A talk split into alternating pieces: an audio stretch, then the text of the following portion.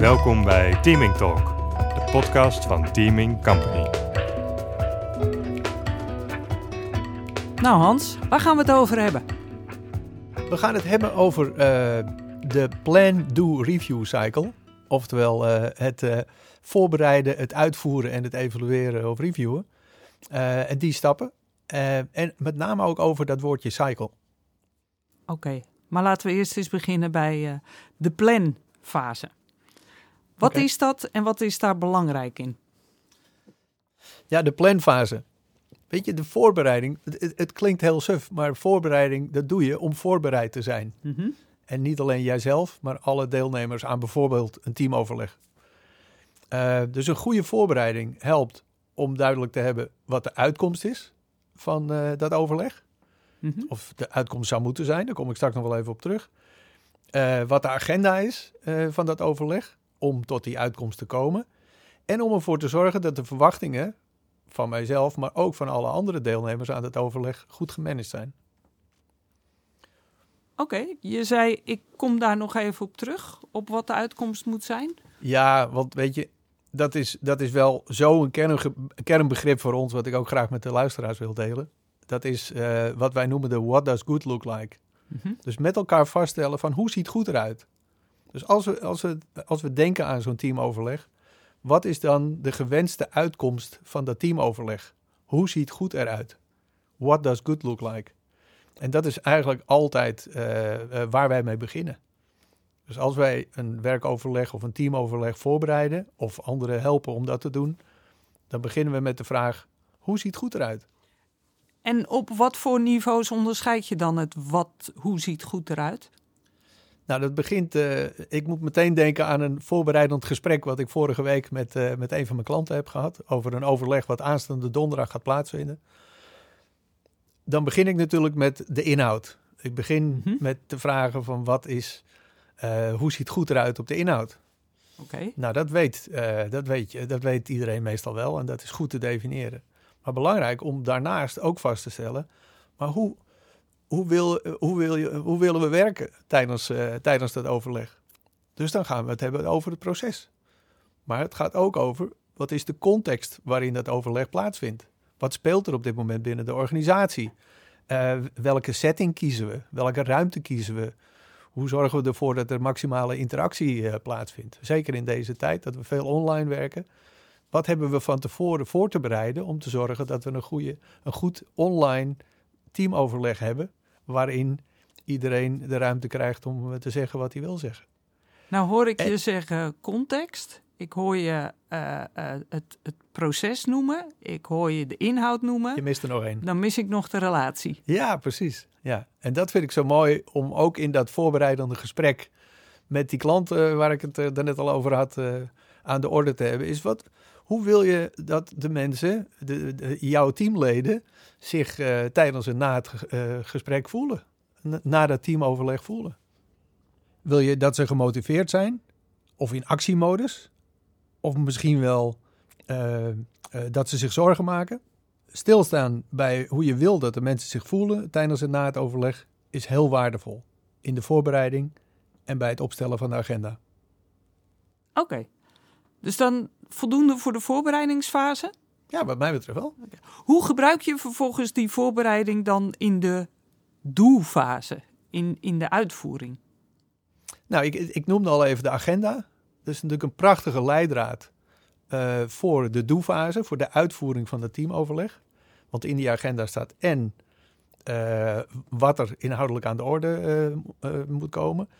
Als je een goede agenda hebt, dan staat er in die agenda ook beschreven wat de uitkomst van dat specifieke agendapunt is. Is dat een besluit of een gezamenlijk standpunt? Of uh, uh, is het puur bedoeld om informatie te delen met elkaar?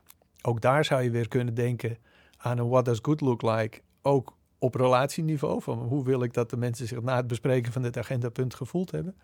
Maar die agenda is een prachtige leidraad om, uh, om te gebruiken. Maar er zit ook een gevaar in. Oh. En dat gevaar is dat, uh, dat de agenda leidend wordt. En dat je, koste wat het kost, uh, die agenda blijft volgen. Oké. Okay. En heb je daar een voorbeeld van waarin een agenda leidend zou kunnen zijn, terwijl die dat eigenlijk niet had moeten zijn? Ja, ehm, nou, ik, ik, ik zou eigenlijk een positief voorbeeld eh, willen noemen. Eh, voor, een, voor een ander overleg wat, eh, wat ik een eh, aantal weken geleden eh, begeleidde. Waarbij eh, de bedoeling was om eh, tijdens dat overleg eh, zowel aandacht te besteden aan wat zijn de, de strategische uitgangspunten voor, voor deze afdeling. Waar staan ze strategisch gezien voor? En aan de andere kant ook aandacht te besteden aan, aan de samenwerking. En welke teamafspraken willen we daarover maken. Maar tijdens het eerste agendapunt bleek dat er zoveel te bespreken en zoveel te delen viel met elkaar, dat daar meer tijd voor nodig was. Nou, als ik vast had gehouden aan de agenda, dan, eh, dan was de motivatie eh, van dat team eh, niet echt hoog gebleven. Want ze waren gewoon nog niet klaar met dat, dat strategische punt. Dus dan is het de kunst om met elkaar te overleggen van hoe gaan we daarmee om? Willen we meer tijd besteden aan, die, aan dat overleg over die strategische punten? Of, of doen we iets anders? En dan met elkaar vast te stellen, hoe gaan we de rest van de tijd besteden? En wat doen we met het agendapunt dat nu niet aan de orde komt? Dus ehm, wat ik jou hierin hoor zeggen is eh, kwaliteit boven tijd. Mooi. Dus in jouw voorbeeld dat je met elkaar besluit, nee, we hebben langer nodig voor dit onderwerp. Maar het zou natuurlijk ook andersom kunnen, dat je op dat moment met elkaar besluit, nou eigenlijk is dit onderwerp wel voldoende afgerond en we kunnen nog door naar het volgende. Ehm, nog andere dingen in de, in de doelfase die belangrijk zijn om hier te noemen? Ehm, in die doelfase, eh, goed om iedere keer weer te kijken van, zijn we nog steeds met het goede doel eh, bezig? Dus heel expliciet checken bij jezelf en bij eh, de andere mensen in, in het overleg. of we nog steeds werken richting de what does good look like. En of die nog klopt. Oké. Hoe maak je die zichtbaar nu we steeds meer online werken? Ehm, nou, een mooie manier, ook online, is om, om hem gewoon zichtbaar in beeld eh, te, te brengen. En dat kan eh, heel fysiek, zoals ik toevallig gisteren eh, bij een online conferentie heb gezien, door een eh, flip-over achter je neer te zetten, die in beeld is binnen, de- binnen het beeld van de camera, waar je, waar je die doelen op hebt neergezet. Eh, en het kan ook door een, eh, door een, eh, een post-it of een, of een slide te delen in je, in je PowerPoint. En natuurlijk de chatfunctie, als je met een online tool werkt, zoals Zoom of Teams, is ook een prachtig, een prachtig middel om de agenda zichtbaar te laten blijven terwijl je slides laat zien. Mooi. Mooi. Ik vind vooral die, die chatfunctie eh, wel een eh, fijne toevoeging. eh. Ja, absoluut. Oké, nog andere dingen die we voor de doelfase aan bod moeten hebben. Nee, op dit moment niet. Dan de, de, de derde fase, de reviewfase. Ja, de reviewfase. Hè, dus wat we ook wel noemen de evaluatiefase, zou je kunnen zeggen. Ehm, wij doen die graag kort en bondig. Mhm.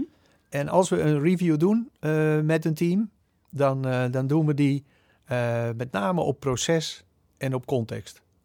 En als we kijken naar eh, eh, proces, dan gaat het echt over hoe, hoe, ging het? Hoe ging de samenwerking tijdens het, tijdens het overleg? Is iedereen aan bod geweest? Werden, zijn alle punten geraakt? Zijn, is alle input gevangen? genoteerd of op andere manier eh, zeker gesteld. En qua context, eh, hoe, hoe was de context? Eh, was er storing? Eh, was de temperatuur goed van de ruimte? Was het een geschikte context om in te werken? En hebben we overal rekening mee gehouden. Eh, ik sla bewust hier even een relatie over. Mhm. Want wat ons betreft, als het echt gaat over het persoonlijke stuk, dus wat is de impact van, van het gedrag van iemand in dat teamoverleg op mij geweest, dan, dan doen we dat graag in feedback. En, eh, en niet in zo'n review in dat team. Ja.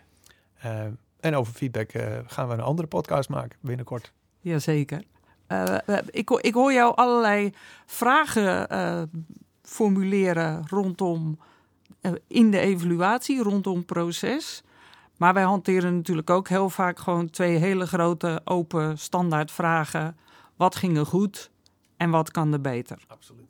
Oké. Ja, helemaal met je eens. En laten we niet vergeten, wat kan er goed en wat kan er beter. En vervolgens eh, vaststellen wat dan de next steps zijn. Want? Nou, dat zal ik je vertellen. Dat is nou precies waar het om gaat. Eh, ook in de titel van ons stuk.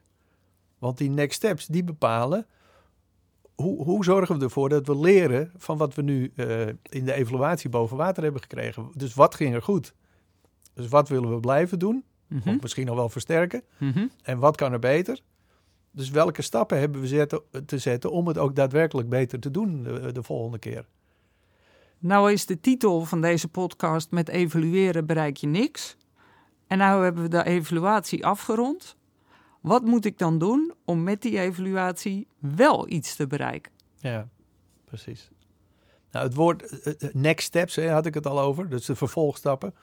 Het is natuurlijk wel belangrijk dat je daar dan ook wat mee doet. En wat wij toch uh, helaas nog wel uh, regelmatig uh, zien, en ook, het, ook de teams die wij begeleiden, is dat ze die next steps prachtig opschrijven en daar zelfs acties van maken met eigenaren en, en, en, en, en mijlpalen. Maar dat er vervolgens, als ze weer met een volgend overleg aan, aan het werk gaan, dat ze die, dat ze die next steps niet meenemen. Uh, en dan bereik je inderdaad helemaal niets met zo'n review. En dan toch even een uh, spannende vraag. Wat heb jij gedaan met de review van de vorige podcast in voorbereiding op deze? We hebben de, de, de, onze collega's gevraagd om uh, de, de vorige podcasts ook te luisteren. En daar hebben we feedback op gekregen. en die, die hebben we bekeken in voorbereiding op deze podcast. Dus dat, op die manier hebben we de next steps van vorige keer uh, meegenomen in, uh, in deze sessie. En dat is, dat is cruciaal. Ja, weet je, ik, ik ga toch ook bekennen hoor. Ik stap ook nog wel eens in die valkuil dat ik vergeet om een evaluatie van een vorige keer van iets soortgelijks nog weer even terug te halen. Maar goed, dan helpt een podcast maken over plan, do, review. want dan word, word ik me er ook weer extra van bewust. Oké, okay. um, dus eigenlijk wat ik jou hoor zeggen is evalueren alleen, daar bereik je niks mee. Het gaat erom dat ik de uitkomst van die evaluatie gebruik als ik weer opnieuw aan iets begin. Ja. Oké, okay, en zeg je dan alleen de next steps of misschien wel de hele evaluatie? In ieder geval de next steps. En als je het gevoel hebt dat er onvoldoende aandacht is besteed aan de wat ging er goeds, dan zou ik die er zeker ook in meenemen. En Hans, hoe verhoudt dan uh, zo'n evaluatie zich tot de ontwikkeling van een team en de fase van ontwikkeling? Ja, zeker als een team net door de storming heen is ge, uh, gekomen, zeg maar. Uh, dan, is het, dan is het goed en fijn en, en belangrijk ook voor, voor de motivatie en het eigenaarschap in het team om, om juist ook die goede dingen steeds weer opnieuw te benoemen en aandacht te geven. Um, nog even een iets andere vraag. Uh, plan, do, review. Terwijl ik ook heel vaak de Deming Cycle hoor. Plan, do, check, act. Die gebruiken wij niet. Wat is daar voor jou de reden voor?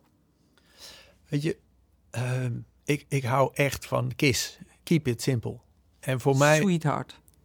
Dankjewel, lieve. Er zit toch een tweede S? Ah, nou ja. Ja, dat, kan ook. Ik, ik, ken hem ook als uh, Keep It Simple Stupid. Maar Sweetheart vind ik eigenlijk veel mooier. Dus uh, laten we het daarbij houden. Ik onthoud hem. Ik had hem nog niet eerder gehoord. Uh, en, en dat is precies de reden voor mij dat ik zo'n voorstander ben van die plan-do-review fase. En dat wij die ook al zo lang gebruiken, volgens mij. de, de Deming-cycle, zoals hij genoemd wordt, de, de Plan-Do-Check-Act, die maakt het zo ingewikkeld. En uh, wat ik met name er ingewikkeld aan vind, is het onderscheid dat wordt gemaakt tussen de, de plan do en dan de check actualize. En dat zijn voor mij twee, uh, twee uitvoerende activiteiten, twee uitvoerende dingen. Uh, dus ik zie dat onderscheid niet zo, zo enorm. En voorbereiden, uitvoeren en evalueren, dat is veel krachtiger. Ja. Dus vandaar. Oké. Okay. En dan zit in het evalueren zit ook het actualiseren van plannen die je precies. had. Dat wordt dan een van die next steps. Dat zijn die next steps, ja, precies. Ja. Oké. Eh, laten we eens een paar voorbeelden doen. Ja, dat is goed. Eh, zal ik maar een, eh, een, een- meteen een, een, flink voorbeeld pakken? Als die maar uit je praktijk is. Real ja, life. absoluut. Ja, Leuk. absoluut. Ja, ja, ja, zeker. Ik, ik, herinner me bijvoorbeeld eh, dat we eh, de opdracht kregen om een, eh, een driedaags evenement te, te organiseren voor de top 100 van de, de informatiemanagementfunctie van een grote internationale klant van ons. En om dat goed voor te bereiden, uitgaande van een duidelijk omschreven what does good look like natuurlijk, want daar zijn we mee begonnen. What does good look like voor de aanwezigen, de deelnemers, hè, die top 100, voor de organisatie als geheel, maar ook voor onze opdrachtgever, de CIO. eh, en ook voor ons als, eh, als facilitators en eh, organisatoren, zeg maar. Hebben we meer dan zes maandweken werk gestoken in de voorbereiding op inhoud, natuurlijk. Maar ook op proces, op relatie en zeker ook op context. Wauw. Zes manweken Ja. op een driedaags event. Ja. Oké. Ja. Je kunt dan denken aan de locatie zelf, aan de logistiek. Eh, als, de, als de groepen deelnemers van de ene breakout eh, ruimte naar de volgende moeten, moeten verhuizen. Eh, en het resultaat was er naar een hoge evaluatie door de deelnemers en van onze opdrachtgever. Maar veel belangrijker, voor mij in ieder geval, was een gemotiveerd team. Dat in de maanden daarna enorm veel werk heeft verzet om de uitkomsten van die, van die driedaagse in, in hun dagelijkse werk eh, eh, tot leven te brengen, zal ik maar zeggen. En eh, de, de verbeteringen in de organisatie door te voeren en de executiekracht van die afdeling te vergroten. Oké, nou, dit is een heel groot voorbeeld en ook groots voorbeeld. Maar hoe zet jij die plan-do-review cyclus in bij minder omvangrijke interacties? Ja, eigenlijk, eh, dan doen we er geen zes maandweken over natuurlijk, maar eigenlijk op dezelfde manier. Dus ook altijd beginnen met die what does good look like. Eh, altijd eh, na te denken, oké, eh, wat is de agenda voor dit telefoongesprek? Of voor dit overleg of voor deze podcast?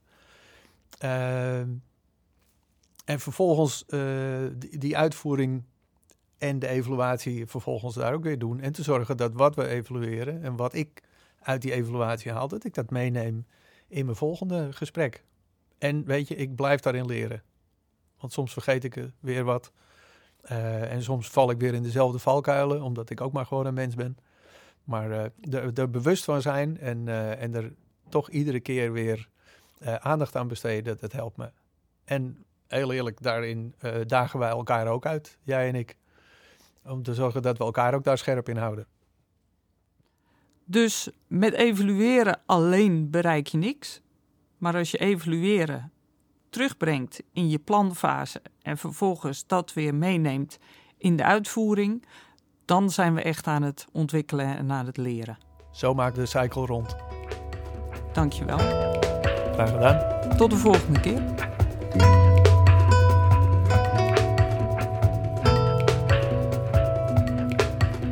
Je hebt geluisterd naar Teaming Talk, een podcast waarin je tips krijgt om elke samenwerking leuker en spannender te maken, zodat jij jezelf laat horen. En laat je horen. Deel je inzichten, geef je commentaar of stuur ons een mail naar teamingtalk@teamingcompany.com.